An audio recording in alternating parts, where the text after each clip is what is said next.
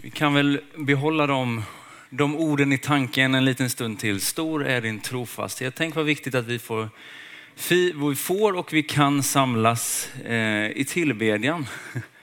Stor är din trofasthet. Kan vi inte eh, tillsammans bara ta en stund i, i bön? Bön för den här predikan, bön för den här gudstjänsten, men, men framförallt samlas i tillbedjan. Det är det vi gör. Herre, tack att vi får eh, komma inför dig Herre. Vi får komma inför ditt ansikte den här söndagen Herre. Jag tackar dig att vi får ha semester, att det får vara sommar Herre. Men jag tackar dig också över glädjen att få samlas i kyrkan Herre. Att få, få öppna ditt ord, att lyssna på det Herre. Jag tackar dig att få stå i, i lovsång och i sång tillsammans Herre och lyfta upp ditt namn Herre. Jag tackar dig att du är en god Gud Herre som vill oss gott Herre. Låt det få sjunka in den här söndagen och den här gudstjänsten Herre, att du vill oss väl Herre. Jesus, jag tackar dig för att din nåd är ny varje morgon Herre och din trofasthet är stor Herre. Jesus, hjälp oss att rikta oss emot dig Herre med hela våra liv Herre. Hjälp oss att rikta vår tanke, vår bön till dig Herre. Jesus, jag tackar dig för att du har någonting för den här stunden Herre. Tack att vi får lägga den i, i dina goda och trygga händer, Herre, i Jesu namn. Amen. Jag måste få börja med att berätta om min gårdag. Jag hade glädjen att få, få göra två saker igår som jag tycker är bland det roligaste en pastor kan få göra. Först så fick jag ha en vigsel i Sigtuna. Det var Gun och Inge Ströms barnbarn Ludvig Ström som gifte sig där. Och sen på kvällen så fick jag faktiskt ta med hela familjen till eh, Norrtäljes skärgård och ha ett utomhusdop. Eh, för eh, Danne och Ulla-Majs barnbarn som sitter här, Sandra, som finns i Jönköping nu, som ville döpa sig där det var en, en ordentlig dag, eh, men samtidigt så bara känner man sån tacksamhet att få, få stå i den här tjänsten och få göra detta. Det är verkligen en väldigt stor glädje. Imorgon är det första dagen på min semester. Och när jag sa det här ute i, i foajén så sa, då fick jag responsen att jaha, då blir det en kort predikan idag då. Eh, så vi får se hur lång den blir. Men man känner ju ändå så här sista dagen innan semestern att man vill liksom sammanfatta lite våren eh, på något sätt. Man vill göra lite bokslut. Eh, så jag vill börja med att bara tacka för förtroendet att jag har fått gå in som föreståndare den här våren. Eh, det har varit en stor glädje. Det är en, en lite annan tyngd, det är lite mer ansvar såklart. Men grundkänslan jag har i kroppen är att jag känner mig buren. Eh, jag känner mig inte som en perfekt föreståndare, men jag känner mig väldigt eh, glad och tacksam för att få stå i den här tjänsten. Det vill jag verkligen säga. Jag känner mig buren.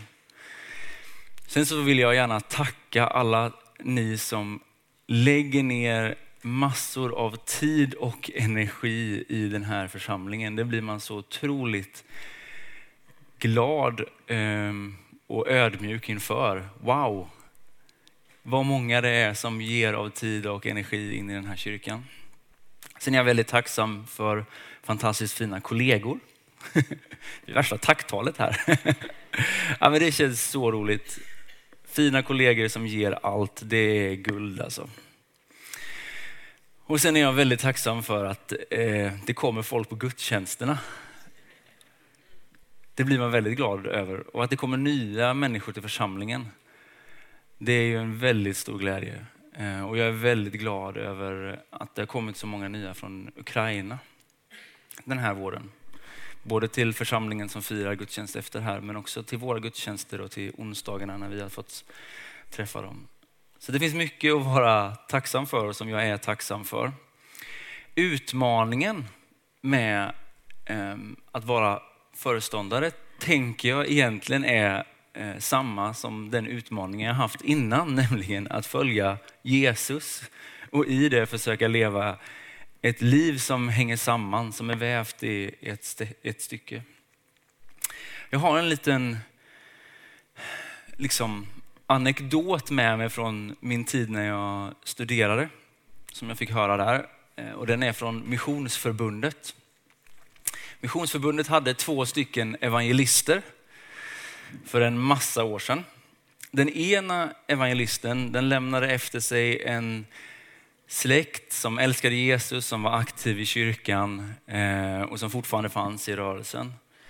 Den andra evangelisten lämnade efter sig en eh, barnaskara och en släkt som var bittra på kyrkan eh, och som inte ville ha någonting med den att göra.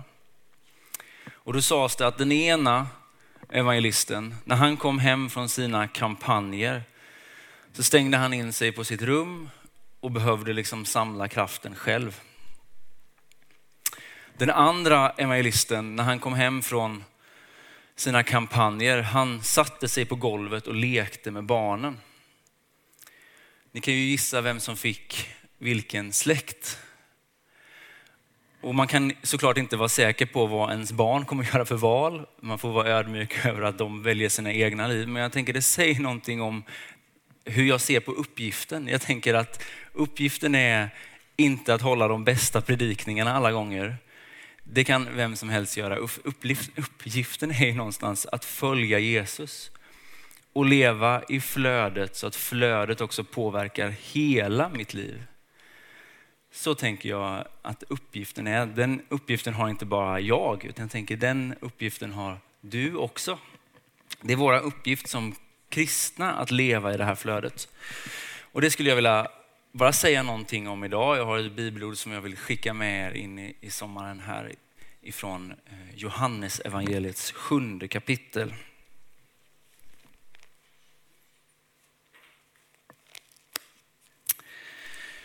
Johannes evangeliet kapitel 7 och vers 37. På högtidens sista och största dag ställde sig Jesus och ropade. Är någon törstig så kom till mig och drick. Den som tror på mig, ur hans inre ska strömma flyta strömmar av levande vatten som skriften säger. Är någon törstig så kom till mig och drick. Den som tror på mig, ur hans inre ska flyta strömmar av levande vatten. Jag har ingen lång exegetisk utläggning av den här texten. Jag vill bara poängtera att Jesus talar om sig själv som en källa. En källa som du och jag kan få tag i och som kan ge oss mer liv, mer frid, mer kraft, mer glädje. Det är inte tanken att du ska vara källan, utan du får komma till källan. Det är tillsammans med honom, genom honom, i honom som det här flödet ska få finnas. För några veckor sedan så eh, skulle jag ta med våra två killar ner till Småland själv, vilket är lite av en, en utmaning såklart. Och lite av en ansträngning också. Jag visste att det skulle vara en liten ansträngning för mig. Jag visste också att det skulle vara eh, en ansträngning för mina föräldrar. Och jag var lite särskilt orolig över att eh, liksom killarna skulle vara sjuka eller ta med sig något virus. För förra gången mina föräldrar träffade våra söner så fick de värsta förkylningen från förskolan. Så det där var jag lite orolig över. Jag skulle liksom åka ner i bil på måndagskvällen på söndagskvällen så var jag och Sara ute och badade med barnen. Eh, och då hade vi en liten diskussion. Eh, jag är ju liksom starkt uppfostrad i att eh, blir man nedkyld så blir man förkyld. Men Sara då som är utbildad sjuksyrra håller och dessutom uppfostrad av en läkare, är väldigt bestämd i att förkylning kommer ifrån virus. Eh, så det blev ett långt bad, det blev inte ett kort bad. Eh, och sen så kom vi hem eh, och vi sov. Och måndag morgon så vaknar jag av att jag från andra liksom, rummet hör en ljudlig nysning ifrån Henry. Det är det första jag hör på morgonen. En attjo ifrån andra rummet. Och jag liksom känner i hela kroppen hur sur jag blir. Och det är liksom, jag kan liksom inte klä av mig den där surheten utan den, den hänger med hela förmiddagen. Det blev ingenting av den där förkylningen. Och poängen med den här storyn är lite att varje dag man vaknar känner man kanske inte att det är strömmar av levande vatten som liksom går genom kroppen. Låt mig vara den liksom första till att erkänna detta. Men jag vill heller inte liksom raljera över och säga att så här, det spelar ingen roll att vi har dåliga dagar ibland. Eller det spelar ingen roll att, att du är på dåligt humör och att det liksom spiller över i hela din omgivning. Det händer oss. Men dagar kan bli veckor. Veckor kan bli år. År kan bli ett liv. Så därför vill jag skicka med dig en fråga in i den här sommaren som jag tror är så viktig. Är du tillfredsställd i Kristus? Är du nöjd med honom? Är du belåten med honom? För är du belåten i Kristus, då kommer det att spilla ut över hela ditt liv. Om du har din glädje i honom, då kommer den glädjen att spilla över i alla dina andra relationer. Om du har din kraft i honom, så kommer den kraften att smitta av sig. Om du har din frid i honom, så kommer den friden att vandra vidare till alla de människor som finns runt omkring dig. Så det här är inte en liten fråga. Det är en stor fråga.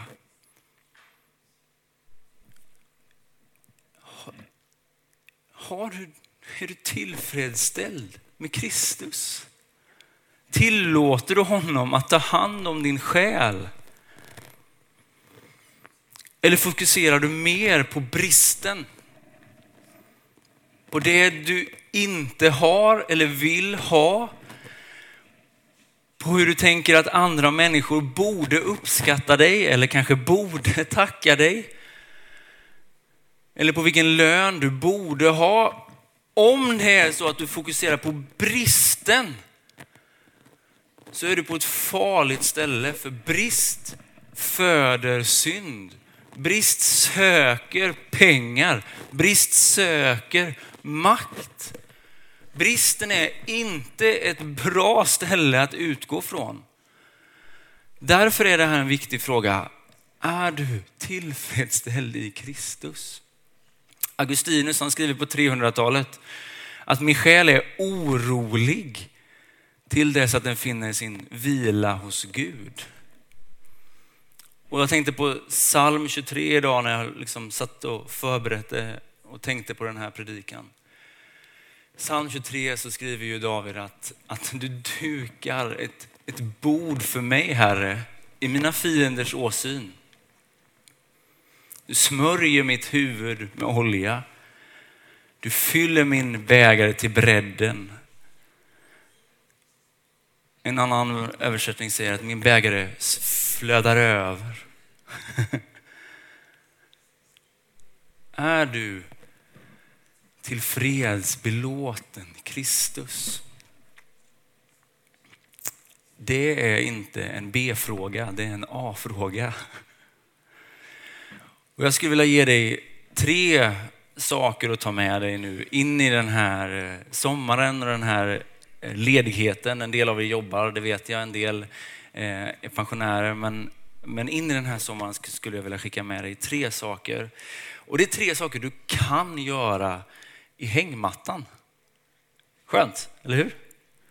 Tre saker du kan göra i hängmattan och som jag tror kan hjälpa oss att ta oss från, från brist till belåtenhet i Kristus. Så det första jag skulle vilja skicka med det är att göra lite mindre. Det är väldigt, väldigt lätt att tänka att man ska göra mer. Det är ju mindsetet vi lever i. Lite till, en liten extra ansträngning. Det är så enkelt att fastna i att göra listen, listor och måsten.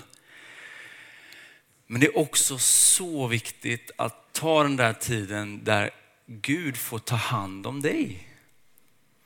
Så jag skulle vilja utmana dig att ta en timme i veckan där du inte gör någonting. En timme i veckan. Det gör ingenting om du somnar den här timmen. Det är helt okej. Okay. Men du ska inte starta något nytt projekt. Du behöver inte läsa någonting. Du behöver inte be en lång bön. Du kan bara ta en timme där du gläds över Gud. Där du låter han ta hand om din själ, där du låter han vårda den. Där du låter han liksom vara herden för din själ.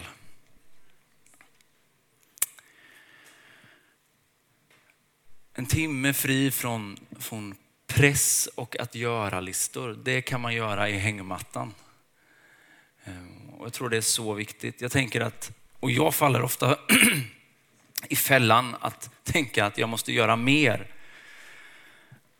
Och jag tror att risken ibland är att vi, vi, liksom, vi springer ifrån Guds omvårdnad. Jag tänker att det är det som händer i, i Edens lustgård på något sätt. Att Gud har ju omvårdnaden och kontrollen över situationen. Men Eva vill göra mer, Adam vill göra mer. Och det kanske kan låta konstigt för vi vill ju göra någonting såklart. Men Guds timing är perfekt. Och jag tror att vi missar ibland att faktiskt vila i detta. Att, att Gud har kontrollen. Han har tajmingen över ditt liv. Ta den där timmen. Det andra man kan göra i hängmattan, det är ju faktiskt att läsa Guds ord. Och för en del så är det där liksom prestationsartat. Att jag borde alltid läsa mer. Så jag hoppas att du inte heller ska liksom ta med dig den kravlistan in i sommaren. Utan att du snarare får leva liksom i, i psalm 1. Att ha din lust i Herrens lag. Som det står där. Det står också att man ska läsa den dag och natt. Eh, jag har ju småbarn och jag lyckas inte riktigt med det, ska jag vara helt ärlig med att säga, att läsa den dag och natt. Men jag tänker, jag håller fast i att jag vill ha min lust i Bibeln. Jag vill ha min glädje. Jag vill hinna öppna den här Bibeln och om jag så bara har tittat på psalm 121 så gör det någonting med min dag. Om jag har hunnit läsa tre, fyra verser i psalm 36 så gör det någonting med min dag. Jag har ett så otroligt starkt minne från när, när jag blev eh, eh, ungdomsledare här. Det är för tio år sedan i den här kyrkan. Efter ett halvår här i kyrkan så kände jag mig färdig. Jag hade liksom predikat klart tyckte jag. Jag hade inget mer att säga. Och så eh, satt jag nere med eh, Marika Reeds man Monte Reed på Subway här nere i Sollentuna centrum och beklagade mig över detta, att jag kände mig liksom lite färdig. Och då tittade han mig djupt i ögonen och så sa han med sin mörka stämma, You got to eat. Du måste äta.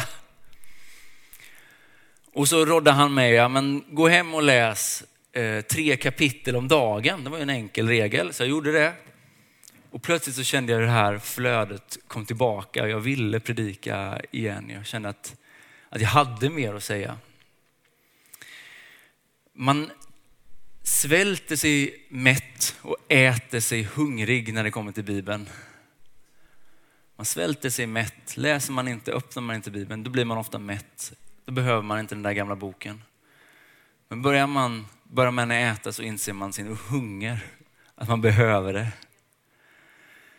Så jag vill utmana dig att öppna den där bibeln. Du måste inte sträckläsa tredje Mosebok den här sommaren. Men öppna den, ha med den, låt den få, få prägla din, din lediga tid och din tid i sommar. Det sista jag skulle vilja säga har någonting med stimuli att göra. Att i hängmattan så kan du faktiskt också skärma av en del saker stänga av en del saker. Och jag har varit inne på det här spåret en del när jag har predikat den här våren. Men, men jag tror faktiskt att det är så viktigt att vi börjar prata om detta. Att vi blir inte gladare, lyckligare, lugnare, fridfullare människor av att ha telefonen framför oss så här hela tiden. Utan det föder i längden en väldig trötthet. Det kan vara skönt att komma hem eh, efter en arbetsdag och sätta sig i soffan och titta på mobilen. Det tycker jag med. För stunden är det, är det en liksom bekvämlighet vi har. Men i längden så gör alla de här bilderna, alla inputen vi får hela, hela tiden, den gör oss väldigt, väldigt trötta.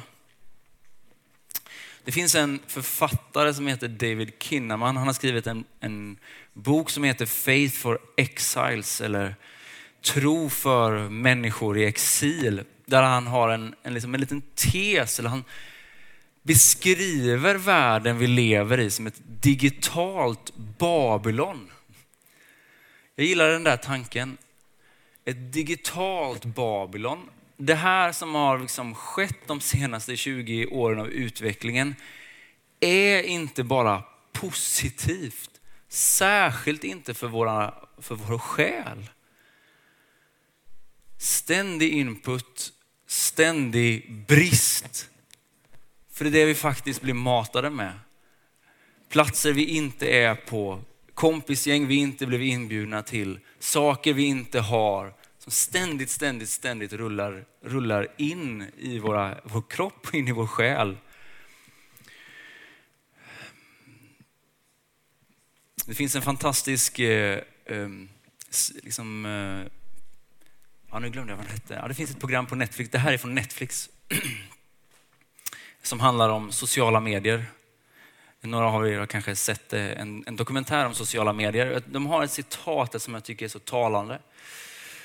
Det är en föreläsare, han berättar om, om AI, artificiell intelligens, eller liksom, ja, tänk, teknikutveckling som har gått långt. Och så säger han att, att vi människor, vi pratar alltid om när liksom robotarna eller datorerna ska ta över, när de ska vinna över våran styrka. När de vinner över och blir starkare eller snabbare eller eh, mer effektiva än, vår, än vi människor. Men vi borde prata om när robotarna eller den här intelligensen blev bättre än våra svagheter. När de utlistade våra svagheter. För den gränsen har vi redan passerat. Vi blir liksom inte piggare av att sitta och scrolla, utan det är uttänkt så. Du ska fastna vid din skärm, du ska scrolla vidare tills att du är så trött att du trycker på den där länken och gör det där oplanerade köpet. Så därför skulle jag vilja utmana dig att begränsa viss stimuli den här sommaren. Testa att radera någon app som fångar dig extra mycket. Eh, eller vad det nu kan, kan vara som fångar din, din uppmärksamhet eller liksom leder dig emot bristen. Tre saker att ta med och som du kan göra i hängmattan den här sommaren. Och min förhoppning nu är att detta inte ska vara en, eller kännas som en förmaning, utan som en möjlighet. Jag tror ofta att det är det, det, är det som Jesus får fram när han liksom säger någonting utmanande. Jag tänkte på, på texten när, när Jesus talar till äktenskapsbryterskan och säger att gå och synda inte mer. Så är jag helt övertygad att om hon inte tänkte usch vad jobbigt. Utan jag tror att hon tänkte det är möjligt. För hon hade mött Jesus. Det är möjligt. Det är möjligt att leva nära källan. Det är möjligt att faktiskt leva i det här flödet. Ett sista bibelord vill jag skicka med er. Och det är från en gammaltestamentlig exil. Jeremia skriver till folket som eh, har blivit förflyttade till Babylon. Jag vet vilka avsikter jag har med er, säger Herren. Välgång, inte olycka. Jag ska ge er en framtid och ett hopp. När ni åkallar mig och ber till mig ska jag lyssna på er. När ni söker mig ska ni finna mig. Ja, om ni helhjärtat söker efter mig ska jag låta er finna mig, säger Herren. Jag ska vända ert öde och samla in er från alla folk och alla de platser till vilka jag har fördrivit er, säger Herren. Jag ska låta er återvända till den plats jag har förvisat er om. Det är ju ett dubbelt löfte. Först så lovar Gud att han ska låta sig finnas. Han, han är den som har kontroll. Han har en framtid för dem. Och när de ber så ska han lyssna. Det är det första löftet. Och sen är det andra löftet att han ska vända deras öde. Och när jag då tänker att vi lever i det här liksom, digitala Babylonet, om man säger så. och får uttrycka den bilden eh, från David Kinnaman. Så tänker jag, ja men det är det här Gud lovar. Det är det här han lovar en, en generation som tänker att Gud inte finns. Det är det här han lovar till en generation som är fullt upptagna med mobiltelefoner och sociala medier. Att han ska låta sig finnas. Det är helt fantastiskt. Han ska låta sig finnas. Och när vi ser det, när vi hittar den källan, då vänder han vårt öde. Då vänder han vår situation. Då befriar han oss. Men det första löftet är att han ska låta sig finnas. Så det löftet vill jag skicka med dig in i, i din sommar. Gud han lovar att han ska låta sig finnas, att han ska lyssna, att han hör din bön. Och jag hoppas att det ska få bli ett flöde, att du ska få känna flödet den här sommaren. Det är min, min bön och min förhoppning. Nu ber vi. Herre, jag tackar dig för att du är källan Herre. Jag tackar dig att, att när vi lever nära dig Herre så finns det inget substitut som kan göra det bättre än vem du är och var du är Herre. Jag tackar dig för att du är källan Herre. Du är källan till liv och kraft och frid Herre. Jesus, hjälp oss att leva i det flödet Herre, så att våra liv inte blir ehm, ett skådespel Herre, utan att våra liv blir vävt i ett stycke Herre. Att hela livet går ihop Herre, att vi får vara en Kristusdoft Herre, i kyrkan, hos våra nära och kära, i vår familj Herre. Vi får vara Kristusdoften Herre, även på vår arbetsplats Herre, i hängmattan Herre eller på sommarstugan Herre. Jesus, jag tackar dig för att, för att du är god emot oss Herre. Och du har så mycket gott för oss Herre. Du vill att vår bägare ska flöda över Herre. Hjälp oss att inte leva i bristen Herre, utan att leva i belåtenheten över dig Herre. Att vi tillåter dig Herre att vara kung i våra liv, Herre. Tillåter dig att vara den som får ta hand om vår själ den här sommaren, Herre, och i våra liv, Herre. Jesus, jag tackar dig för att, att, att liv i frid, Herre, och dagar i frid kan få bli veckor i frid, kan få bli år i frid och kan få bli liv i frid, Herre. Jesus, jag tackar dig Herre för att du vill oss gott, Herre. Du vill leda oss vidare, Herre. Du vill leda oss till källaren, Herre. Eller källan, Herre. Du vill leda oss Herre i, i det liv vi lever och där vi går fram Herre. Tackar dig Herre för det. I Jesu namn. Amen.